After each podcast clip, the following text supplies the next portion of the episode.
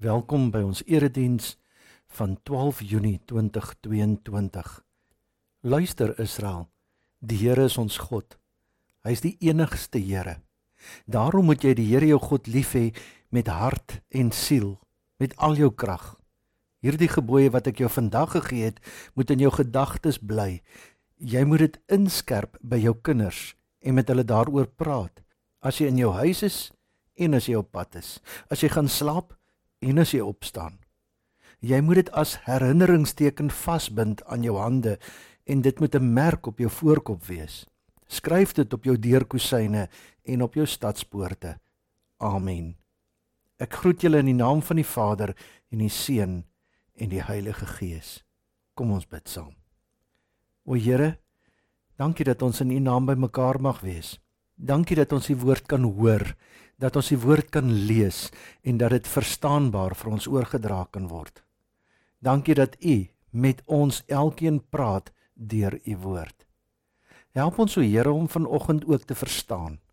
Help ons Here dat die Heilige Gees U woord vir ons sal oopbreek, dat ons sal hoor en dat dit werklik 'n verskil in ons lewens sal maak. Dat ons ook U lig in hierdie wêreld sal wees. Amen. Ons lees uit Handelinge uit Handelinge 2 van vers 1 af. Toe die dag van die Pinksterfees aanbreek, was hulle almal op een plek bymekaar. Skielik was daar 'n geluid uit die hemel soos van 'n geweldige stormwind en dit het die hele vertrek gevul waar hulle gesit het. Hulle het iets soos vuur gesien wat in tonge verdeel en op elkeen van hulle gekom het.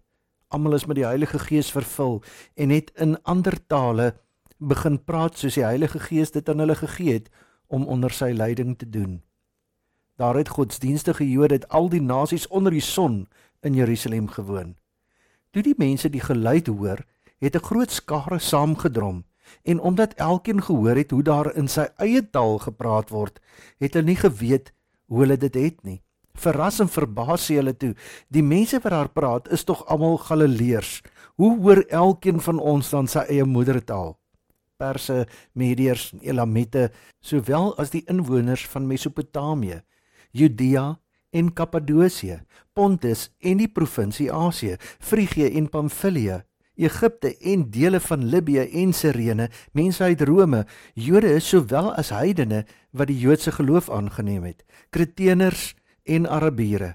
Ons hoor hulle in ons eie taal praat oor die groot dinge wat God gedoen het.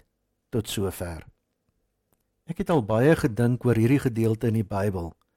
Ons hoor hulle in ons eie tale praat oor die groot dinge wat God gedoen het. Hoekom is elkeen wat daar by mekaar was, die groot dinge wat God gedoen het in hulle eie taal hoor? Hulle was mos gewoond aan 'n mengelmoes van tale en hulle moes koop en verkoop en onderhandel in ander tale. Ek is seker hulle het ook 'n soort van 'n vanagalo van tale gehad. So hulle kon mekaar so bietjie verstaan waarom dan die groot boodskap in hulle eie taal hoor. Ja, daardeur kon almal sien en hoor dat wat daar gebeur nie menslik is nie, dat dit 'n wonderwerk is, maar dit is om ons ook te laat verstaan dat die evangelie van verlossing nie 'n onverstaanbare iets is nie. Elkeen hoor in sy eie taal sodat hulle kan verstaan. Ons lees die Bybel in ons eie taal sodat ons beter kan verstaan. Ons hou Bybelstudie sodat ons beter kan verstaan. Ons praat met ander daaroor sodat hulle en ons beter kan verstaan. Ek besef net weer al meer en meer dat mense nie godsdiens en verlossing regtig verstaan nie. Ons hoor van al meer en meer mense wat net nie meer glo nie. Volgens hulle is godsdiens iets wat deur mense uitgedink is om ander in lyn te hou. Deur godsdiens kan mense dus moreel en emosioneel gemanipuleer word, soos spionne rondgeskei word of soos marionette beheer word. Daar is volgens hierdie groep geen hemel of hel nie, geen lewe na die dood nie. Dan is daar ook 'n groter wordende klomp mense wat dood eenvoudig nie meer in 'n wese buiten ons en groter as ons glo nie. Ons lewens word dus deur ons keuses en die noodlot bepaal en ons lewe hier op aarde is die som totaal van ons bestaan. Die hartseer is dat baie mense tot hierdie gevolgtrekkings kom omdat hulle nie die Bybel verstaan nie en ook nie die godsdiens verstaan soos wat hulle dit in Christene se lewens sien nie. Wat ons as Christene sê en doen is totaal verskillende dinge. En in plaas van die lig vir die wêreld te wees, word ons ligdempers. Mense glo nie want ons laat hulle nie verstaan hoe die evangelie regtig lyk nie. Daar is 'n groot groep mense wat dink dat hulle op een of ander manier hulle plek in die hemel moet verdien. Hulle het groot geword in daardie ere van jy mag nie met leë hande voor God gaan staan nie. Jy onthou nog die liedjie nê? Moet ek gaan met leë hande, moet ek so my Here ontmoet? Jy moet dus jou plekkie verdien. Dis nie die evangelie nie. Oorgawe, bekering, kruisdra, gehoorsaam wees is die gevolge van ons verlossing. Dis die vrug van die bloed van Jesus Christus in jou lewe. Openbaring 3 vers 20 sê: "Kyk, ek staan by die deur en ek klop. As iemand my stem hoor en die deur oopmaak, sal ek by hom ingaan en saam met hom die feesmaal hou en hy saam met my." Die deur oopmaak is nie eerste nie. Die Here wat staan en klop kom eerste.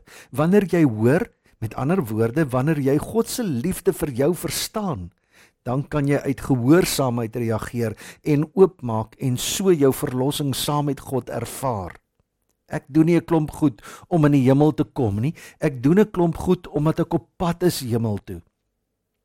Maar dan kry jy ook 'n groep mense wat dink dat as jy een of ander tyd in jou lewe jou hart vir die Here gegee het, dan is jy gered. Ek het mos my dag en my datum, ek het gearriveer. Ook hulle verstaan nie die evangelie nie. Openbaring 3 vers 16 sê: "Maar nou omdat julle lou is, nie warm nie en ook nie koud nie, gaan ek julle uit my mond uitspoeg." Die evangelie sê baie duidelik: 'n boom word aan sy vrugte geken. Ja, niks kan jou van die liefde van Christus skei nie. Maar wat help dit dat jy nou gered is om eendag hemel toe te gaan, maar dit verander niks aan jou lewe hier en nou nie? Jakobus 2 vers 26 sê 'n liggaam wat nie asemhaal nie is dood, so is die geloof wat nie tot dade kom nie ook dood. sien verlossing is die een kant van ons muntstuk en die ander kant is ons gehoorsaamheid of ons vrugdraakant. Jou geloof moet prakties wees. Jou geloof moet deur die mense rondom jou verstaan word. Wat help dit dat jy godsdienstig alles reg sê, maar almal rondom jou verstaan glad nie hoe jou woorde en dit wat jy doen bymekaar pas nie. Geloof en verlossing is dis nie iets wat jy kan verdien nie, maar dit is ook nie iets wat jy een of ander tyd as 'n geskenkie gekry het en nou eers gaan wegbêre totdat Jesus weer kom om jou te kom haal nie. sien jy moet godsdiens eers verstaan voordat dit enigsins sin in jou lewe kan hê. Ons hoor al meer en meer mense wat openlik sê dat hulle nie meer glo nie. Hoekom glo hulle nie? Want hulle verstaan nie. Hulle verstaan nie vir God in hierdie donker en deurmekaar wêreld nie. Hulle soek na die wonderwerke wat hulle lewe kan verander of verbeter en as dit nie na soveel gebede gebeur nie, glo hulle net nie meer nie. Hoekom glo hulle dan nie meer nie? Want hulle verstaan nie. Baie mense glo nie meer nie omdat hulle die godsdiensttaal wat Christene leef lankal nie meer verstaan nie. Ons woorde sê een ding, maar ons doen is totaal en al iets anders. Wat hoor mense wanneer hulle jou geloofslewe wat jy doen hoor? Jou godsdiensttaal is nie woorde nie. Jakobus 2 vers 26: 'n Liggaam wat nie asemhaal nie is dood, soos geloof wat nie tot dade kom nie ook dood. Wat verstaan die wêreld van Christendom? Dis hartseer, maar vir baie mense daar buite maak die godsdienstlegkaart glad nie sin nie.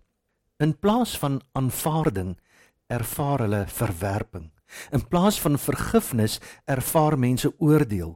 In plaas daarvan dat hulle by ons skuldbelydenis sien, hoor hulle net dat ons altyd reg is of verskonings vir ons foute gee.